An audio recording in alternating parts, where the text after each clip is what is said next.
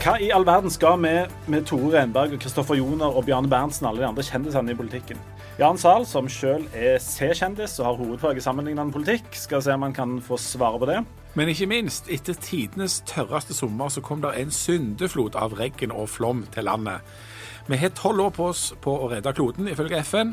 Og det kommer aldri til å gå bra, mener Harald Birkevold. Han har mista fullstendig tro på menneskeheten etter 14 dager med luksus og karbonsløsing i India. Og vi skal òg snakke litt med Joshua French, som skal underholde allmuen både i Sandnes og Stavanger og andre plasser i Norge. Og Det er åpenbart en god forretningsidé han har kommet på, men burde fyren egentlig bare vært stengt ute fra norske kulturhus? Velkommen til Aftenbladblad. Det er en podkast fra Stavanger Aftenblad der vi skal løfte lunsjpraten opp, eventuelt ned, til et helt nytt nivå. Du hører Jan Zahl, du hører tidligere søndagsskolelærer Leif Tore Lindø og Harald Birkevold en eh, for tida veldig tungt medisinerte kommentator i Aftenbladet. Jo takk, jo takk. Ja. Velkommen. Takk skal du ha. Ja, ja, takk, takk til alle. Um, du, Vi begynner, Harald. Det er jo midt, vi er jo midt i jaktsesongen, og du er jo glad i å drepe en del dyr. Um, ja, ja. Jo, jo. Det er det. Um, skal, dette her handler jo om, om, drap på mennesker, for vi skal innom eh, Kongo og Norge. Uh, er det uproblematisk at Joshua French reiser rundt og høster applaus i norske kulturhus etter det, den suppa som var nede i Kongo? Nei, det er selvfølgelig ikke uproblematisk. Det er tvert imot dypt problematisk. Uh, fordi at uh, uansett hva en måtte ha oppfatninger om skyldspørsmålet her, så er det etter min mening uh, veldig problematisk at en gjør en foredragsturné, nærmest en slags underholdning ut av eh, det som eh, Moland og French foretok seg eh, i Afrika. Men Hvorfor skiller dette seg fra andre sånn type min historie? har jeg lurt på. Altså, folk reiser rundt hele tida og forteller om hva de har gjort, og hvorfor de har skrevet bok om det eller lagt film om det. Sånn. Hvorfor er det annerledes med han her? Altså, jeg, jeg synes det er mest Framfor alt så er det dårlig smak og dårlig stil. Um, alle, Jeg er jo sånn ytringsfrihetsfundamentalist. Jeg syns at folk skal få snakke fritt. Uh, og så er det noen begrensninger i på en måte straffeloven, men utover det så syns jeg at folk skal få snakke i vei. Men, men det forhindrer ikke at en bør utvise et sånt sånn, altså litt god smak allikevel. Altså, ytringsansvar er det noe som heter? Ytringsansvar er det noe som heter. Ja, jeg, men jeg blander meg ikke med dette med litt med sånn moral og anstendighet og hva vi syns er altså Bare syns at det er litt sånn usmakelig. Altså, det er mye fyker rundt som er litt sånn halvveis usmakelig. Er dette verre enn noe annet? Det er ikke så veldig mange eh, som er dømt til døden, som reiser rundt og, og, og han er foredragsturné. Er han dømt til døden, eller? Han er dømt til døden. Foredragsturneen heter jo 'Dømt til døden'. Han ble jo dømt til døden i Kongo ja. eh, for det han da angivelig skal ha gjort. Men jeg syns det er viktig litt å spole litt tilbake igjen her. Fordi at Bakgrunnen for at uh, disse to unge mennene havna først i Uganda og senere i, i Kongo, var jo at de prøvde å etablere seg som en eller annen form for leiesoldater Eh, i Afrika. Eh, og dette fenomenet har en lang og meget skitten eh, forhistorie, som går helt tilbake til kolonitida. og det er ikke tvil om at både Moland og French opererte i strid med lovgivningen i de landene de befant seg i. og at motivene deres for å være der ikke var på noen som helst måte, etter min oppfatning, renhårige. Og da ser jeg helt vekk ifra den konkrete drapssaken som de ble dømt i, men jeg tenker på den virksomheten de drev generelt sett. Og jeg syns det er jeg er enig med Jan når han sier at ja, ja, klart det, folk må få lov å ytre seg om hva de vil, men er det, en, er det riktig at norske kulturhus, norske kulturscener, blir brukt til dette formålet? Det er jeg mer usikker på. Ja, men, men altså, jeg, har jo òg tenkt på det, men alternativet er jo at vi sier at han ikke er velkommen. Altså At kulturhus rundt omkring skal sitte og sensurere og være sånn smaksdommere for dette. Og Jeg går på en del sånne konserter og sånt og tenker jo at hvis de kunne virkelig utøvd det, så var det, det mye graps de kunne latt være å sende. Altså, jeg skjønner jo at det er et annet element oppi dette. Men eh, hvis han hadde reist rundt i sammen med en revolver, litt hard revolverjournalist som hadde intervjua han på scenen og stilt han motspørsmål og hele den pakken der hadde det vært greit da. For nå kommer han i en sånn eh, 'jeg forteller', og, og dette er min versjon-variant. Ja, og det er jo noe av det som gjør det ekstra tvilsomt. fordi at det, Nå sitter jeg da her igjen som ytringsfrihetsfundamentalist, men da mener jeg òg at det skal være fri ytringer og fri eh, tanke, tanke og tale og fri presse og alt dette her. Men det interessante er at han benytter sin ytringsfrihet til å snakke helt uimotsagt. Altså Han vil ikke ha spørsmål fra pressen. De skal sile de spørsmålene som skal komme fra salen.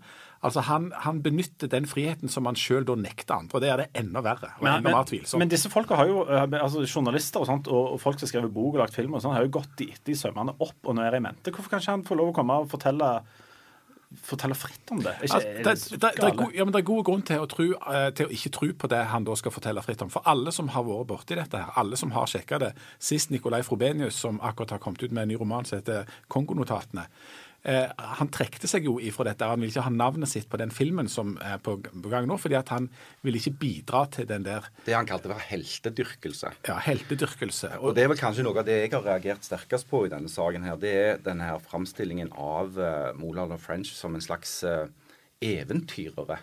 Uh, gå, gå tilbake til Litt sånn Amundsen og, og sydpolfarere. Eh, sant? Altså det, disse hvite eventyrerne som drar ned til de ville i Afrika ikke sant? Og, og kommer hjem med fantastiske historier om sine opplevelser. Eh, hvor de, sett fra mitt ståsted, kun har bidratt til å, å opprettholde eh, en helt uholdbar situasjon i, i, Kongo, et land som har vært herja av borgerkrig og umenneskelige overgrep nå i flere generasjoner. Eh, så skal en gå ned der og så fiske i dette her. F.eks. med å, ta på seg oppdrag fra, for private selskaper som ønsker å hente ut mineraler. Veldig ofte ulovlig. Eh, det er snakk om smugling. Det er snakk om private sikkerhetstjenester. Eh, det markedet der er etter min mening eh, dypt umoralsk, dypt problematisk. Eh, og det blir nokså glatt underslått, syns jeg, når, når, eh, når, han da kommer tilbake etter stor innsats fra norske myndigheter. Eh, Erna Solberg meddeler dette gledesstrålende på selveste 17. mai. Som om, som om det, det faktisk er bakgrunnen for at de dro ned på en måte blir glemt oppi dette. Det syns jeg er lite, lite heldig. Altså. Men, men vi, har, vi, har, skrevet noen saker om dette de siste dagene. og Noen av de tilbakemeldingene som kommer der, handler om at folk på en måte ikke aksepterer at de er dømt i Kongo. At dette har foregått en annen plass, der de ikke stoler på lover og rettsvesen og alle sånne ting som dette her. Er ikke det et element oppi dette her at han at han er dømt der nede. og Det, det var vitterlig mye rart som foregikk når, når, disse to eh, var nede i Kongo. Altså det, Helt klart. Ja, det, det, det, blir jo fort sånn, og, og, og hele, liksom, hele, historien er helt bisarr. På en måte er det jo veldig forståelig at folk syns det er ja, fascinerende greie, da, for det er så bisart, hele greia. Og, og, og, sånn som norsk presse òg har behandla det og skrevet om dette, her, og det har jo liksom blitt skrevet tusenvis av artikler om det, så er det jo liksom helt ellevilt. Eh, men du, da glemmer du veldig raskt nettopp dette med at det altså blitt, har drept et menneske der nede.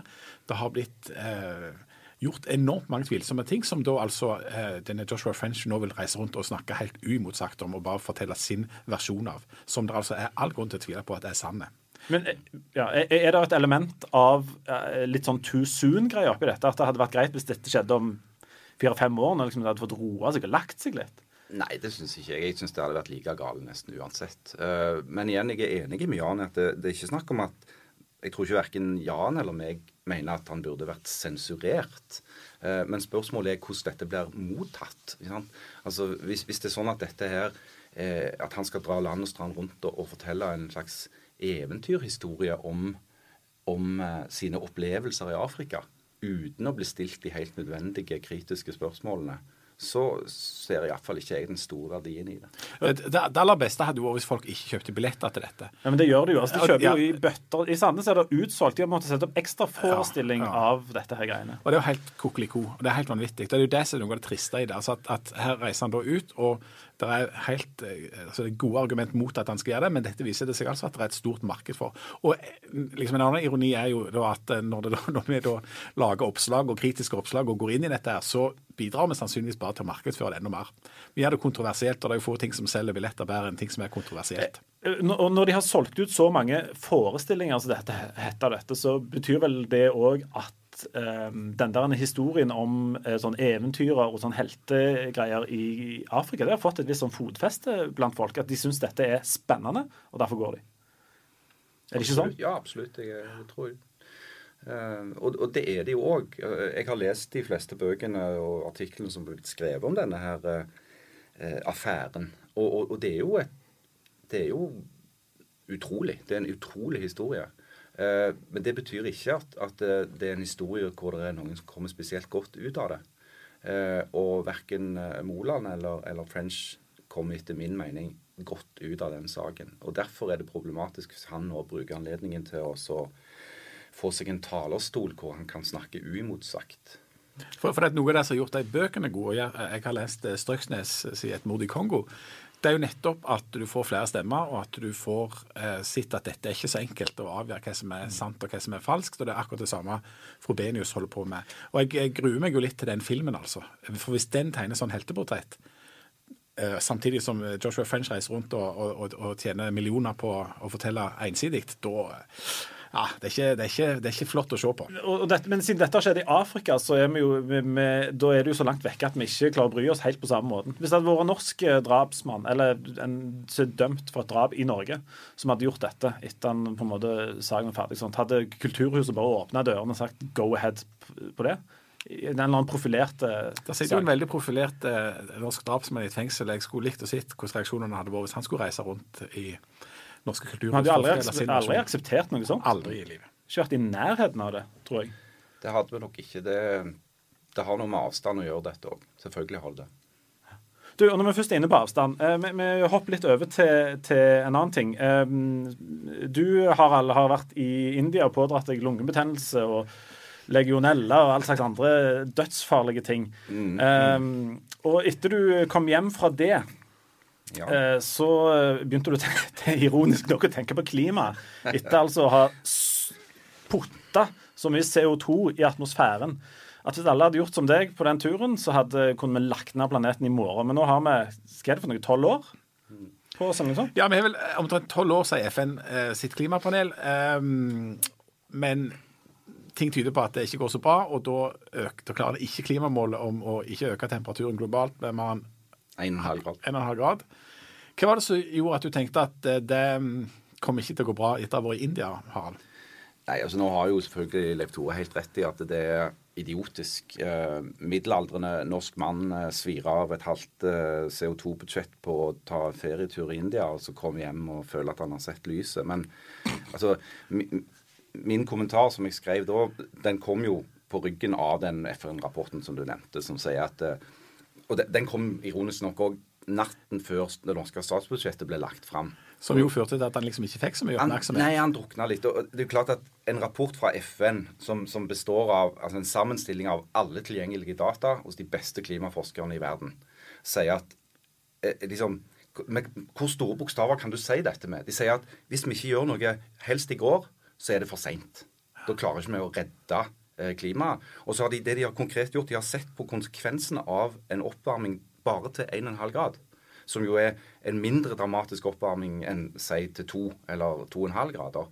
Og, og de har funnet ut at konsekvensene for verden, hvis verden varmes opp med halvannen grad, eh, er mer dramatiske enn vi trodde. Mm. Men så er spørsmålet er det realistisk når jeg sier nå må vi gjøre noe. Vi må helst gjøre noe i går. Eh, er det realistisk å få folk til å endre vaner? Er det, er det realistisk å få politikere til å endre politikken sin sånn at det monner?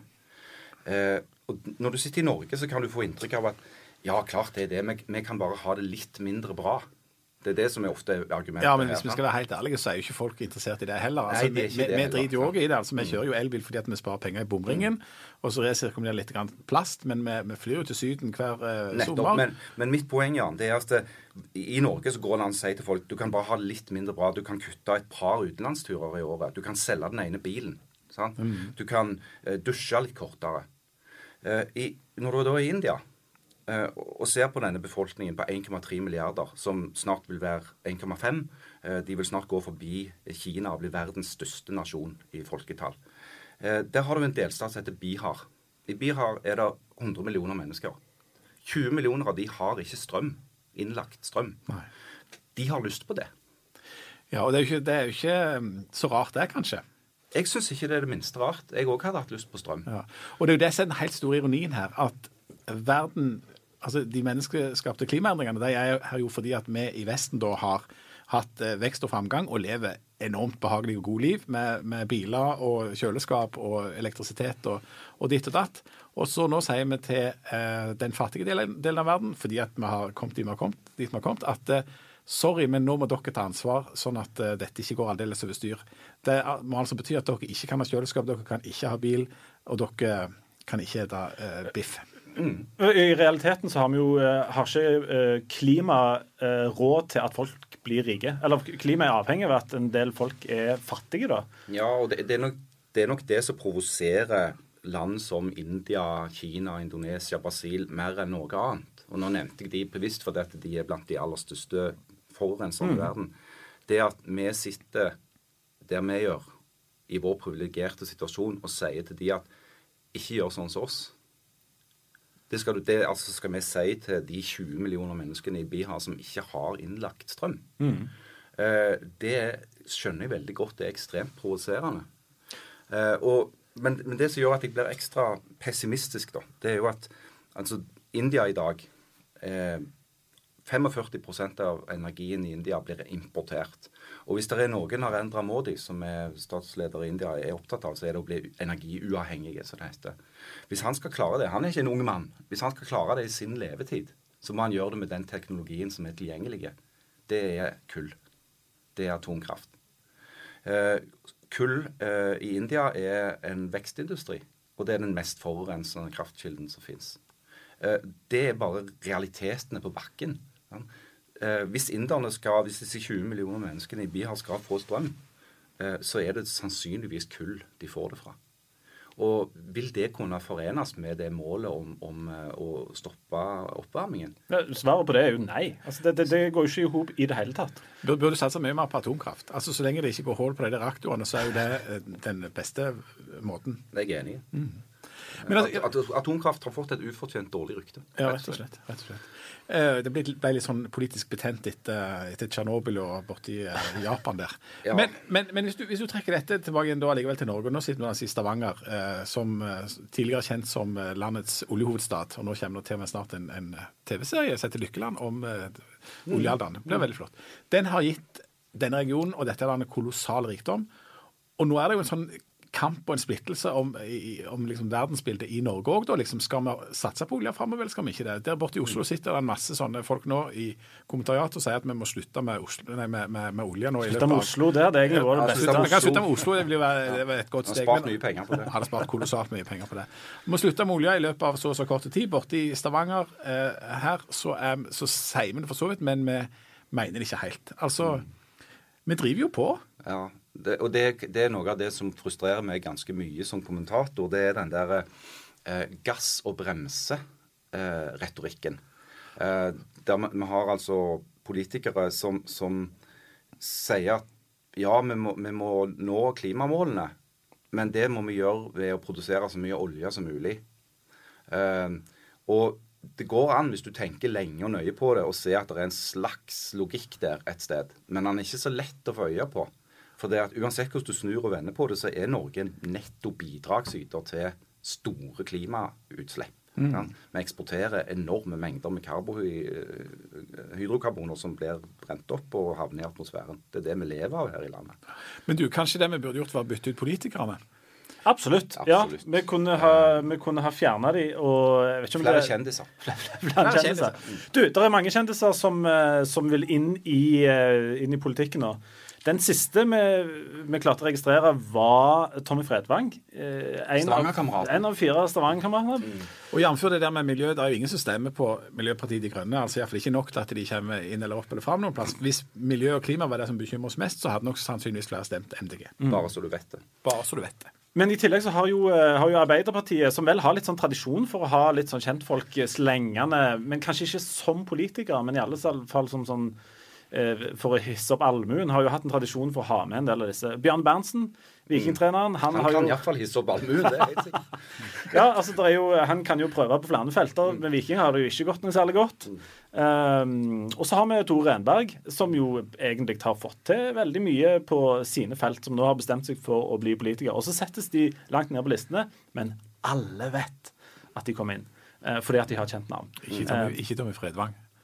For han er jo sånn miljøparti, vet du. Da må jo, MDG må jo få dobbelt så mange stemmer som de har fått før, hvis han skal komme inn. Jo, men, men hvis vi skal redde miljøet, så må de vel antageligvis få det. Men, men, men ta, ta, de to andre, da. Ta, la oss starte med Tore Renberg, da, som jeg har tenkt er en engasjert fyr. Mm. Eh, og som sikkert kan utrette mye. Men han eh, vil jo da komme inn fordi han er en kjent person, er, eh, og, og kommer da til å fortrenge et eller annet politisk menneske som står foran ham på lista, f.eks.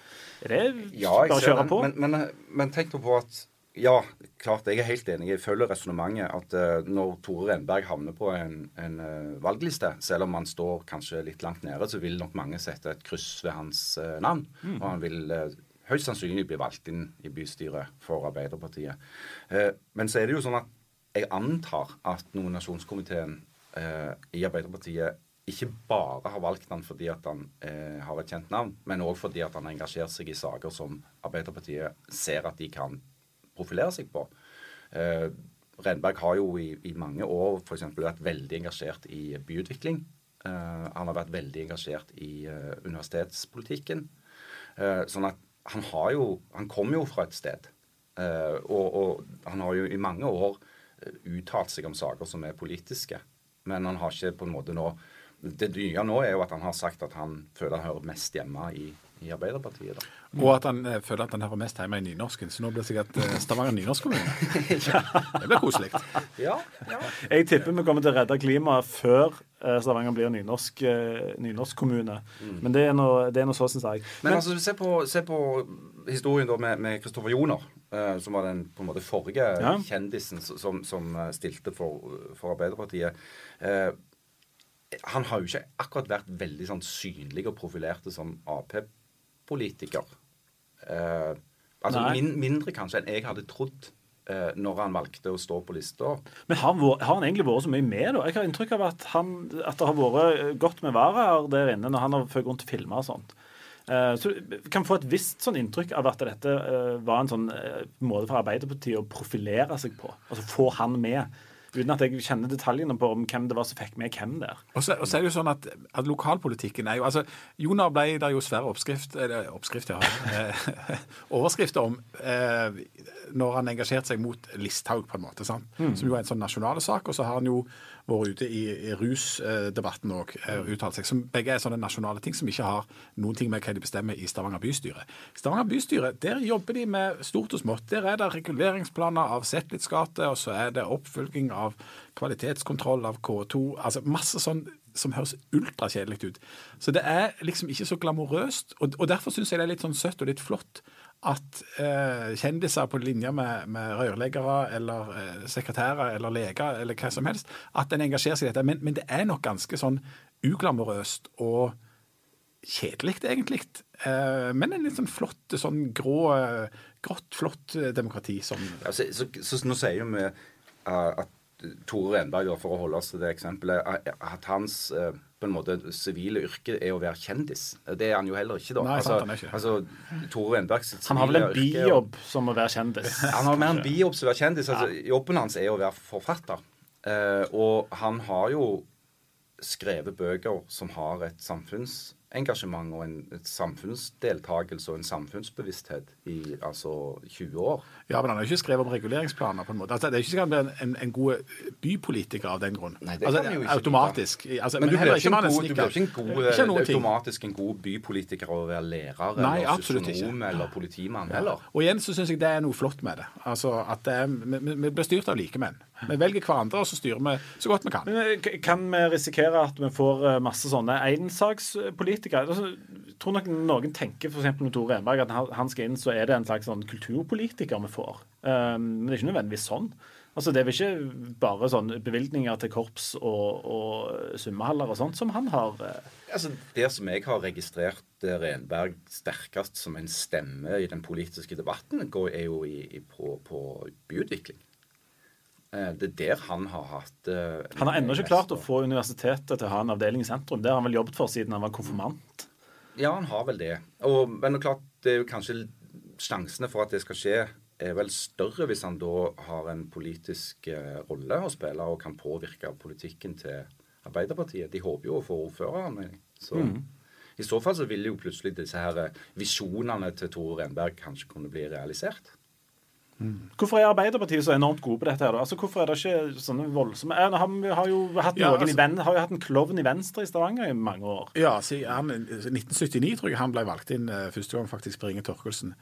Og Han har jo en frisk stemme. altså Han har vært løyen, men han har, han har jo vært en seriøs politiker og, og en, en, uh, altså brukt den talerstolen Eh, ganske godt. Jeg, har, har, Venstre fått velgere, eller har de tapt velgere pga. at Per Inge Torkelsen, som har hatt offisiell tittel som klovn, har sittet i, i bystyret? En... Jeg, jeg, jeg, tror og håper ikke at folk bestemmer hvilket parti de skal velge basert på hvilke kjendiser som støtter de. Og Hvis du ser på si, valgforskningen, så er det jo eh, ting som tyder på at det har begrensa effekt. Mm. Borti Amerika der eh, der hadde jo Hillary Clinton alle de bra kjendisene på sitt lag. De som skulle appellere til de unge og skaffe masse eh, stemmer og alt i hop. Hun tapte. Men så tapte hun da for den største kjendisen i hele Amerika, nemlig Trump, som da har fortsatt å drive det landet som et realityshow. Sånn at, at eh, kjendisene sitt inntog i politikken, og det at politikken får mer og mer sånn idolpreg og realityshow-preg, det er nok noe som, eh, som har kommet for å bli, og som nok òg vil, vil, komme her, da. Men samtidig så tror jeg òg at det har nok en tendens, og det er nok en, en sykdom som vi journalister òg eh, er smitta av, altså at vi har en tendens til å overvurdere personer og undervurdere saker. Eh, når det kommer til stykket, og når folk skal gå og velge, så velger de nok først og fremst ut ifra saker hvor de står i den økonomiske politikken, hvor de står i familiepolitikken, hvor de står i innvandringspolitikken osv. Mer enn hva verken Tore Renberg eller Per Inge Torkelsen eller, eller Tommy Fredvang for den saks skyld måtte mene. Og så kan det nok godt hende at mediene overdriver nettopp den der kjendisvrien og varianten. Ja, det er jo mitt poeng. Ja, det er jo mest, det er jo vi som slår de opp hele tida. Vi slår jo ikke opp at uh, en eller annen som er sykepleier, står på en eller annen liste. Nei, men altså, vi er klar, når, når den der pressemeldingen med disse listene kommer, så er det jo enkelt og greit sånn uh, her inne hos oss at vi sitter jo og ser hvilke navn vi kjenner igjen, mm. og så ser vi oi, Tore Renberg skal, eller Bjarne Berntsen og sånn. Og så skriver vi jo om det. Og vi skriver jo ikke om nødvendigvis om de som står på femte- eller sjetteplass, som gjerne har, gjort, har et voldsomt brennende hjerte for, for skolepolitikk i Sandnes, eller eh, teknisk etat i Stavanger, eller et eller annet. Ja, altså, jeg tipper jo at, at, mange av de andre partiene For det at Arbeiderpartiet har pekt seg litt ut nå de siste årene med å ha den, type kandidater. De skjuler det jo ikke akkurat. Nei, det kan du ikke akkurat beskylde de for. Uh, men, og hvis dette blir en suksess, da, uh, så kan du jo fort tenke deg at de andre partiene kommer etter. Og at, du, at Høyre òg fronter plutselig en eller annen såkalt kjendis ikke sant, på sine lister, eller at Fremskrittspartiet gjør det. Det vil jeg ikke se vekk fra. Mm. Men, men, men, det er viktigere for folk hva de mener om altså at de lover å rive bomringene, enn at det står en, et kjent navn på disse listene. Ja, altså, altså Drømmen for Fremskrittspartiet ville vel ha fått en eller annen jeg vet ikke, Hvem er den sånn største kjendisen vi har uh, her på våre kanter til å stå fram uh, som, som uh, bommotstander? Ja, hvem skulle det vært? Hvem, hvem, er liksom drømmen for Fremskrittspartiet å få som, som bommotstander her på Bjerget? Hvem er den ultimate kandidaten til Frp i liksom det nye store Stavanger, som kan reise seg opp og som får folk til å si wow? Nei, Det må jo være mamma til Michelle. Vi må, vi må på det nivået, ja. ja. Jeg tror vi må helt til topps, altså. I, i blogg, eh, bloggosfæren, om en skal si det sånn. ja, okay, okay. Vet, vet du hva, jeg ville si Pia Tjelta. Hvis Pia Tjelta hadde stått fram som beinhard bommotstander her for Frp, noe jeg ikke tror skjer noensinne, det hadde vært løye. Da hadde det blitt oppslag. Pia, hvis du hører dette, uh, ring. ring oss. hvis du hadde stått på den lista, så skulle vi garantert funnet det. Du, du Leif Tore, hvem ville du hatt? Nei, altså Hvis det er uavhengig av bom eh, Hvis du bare tenker på hvem du ville hatt i bystyret av Vet ikke hva som er kriteriene av, av norsk, En norsk kjendis med en viss sånn regional tilknytning. Mm. Uh, ja, jeg vet ikke. Jeg har Kanskje uh, hvis vi kunne fått Tønes til å flytte hertil, og så kunne og han. Så kunne han, kunne han gått opp og så utelukkende sagt enten Sakki eller gått opp på slutten altså kvelt enhver debatt med 'jeg går og legger meg'. Nå går for jeg og legger Ja, nå går jeg for jeg og legger meg, bare så du vet om det. Mm. Det tror jeg kunne vært en, en forfriskende en forfri... Hvis jeg fikk blanko, da. Mm. Så det, Ja, blanko til dere. Hvem ville dere hatt? Nei, men jeg støtter, jeg støtter Tønes. Nei, det er ikke lov å støtte. Du er nødt til å ha en egen. Nei, da vil jeg, jeg vil kaste inn, altså, Hvis vi snakker Stavanger bystyre, ja. jeg kaster inn rett og slett Pål Morten Borgli. Oi, oi, oi. Jeg tror at han kunne vært et friskt pust i Stavanger-politikken. Absolutt. Fordi? Nei, altså han eh, Det kunne vært interessant å sett, eh, sett Pål Morten sin eh, Han har gjort en fantastisk jobb vet du, for Sandnes. Ja, ja. Og sett han bytte beite. Altså, er han, er han profesjonell nok til å plutselig eh, snu på flisa og, og bli en ihuga Stavanger-patriot. Det, det, kunne vært moro. Det tror jeg sitter veldig langt inne. Ja, det kunne vært gøy. Ja, ja, altså For, for tankeeksperimentet så er det, er det en virkelig dryler. Mm. Jan? Ja, jeg syns vi skal tenke større. Jeg, jeg syns at vi burde fått Donald Trump inn i bystyret i eh, Stavanger. Ah. Da kunne Amerika fått litt avlastning, og så kunne vi fått røska opp i tingene og, og fått Stavanger til å bli greit igjen, altså. Ja.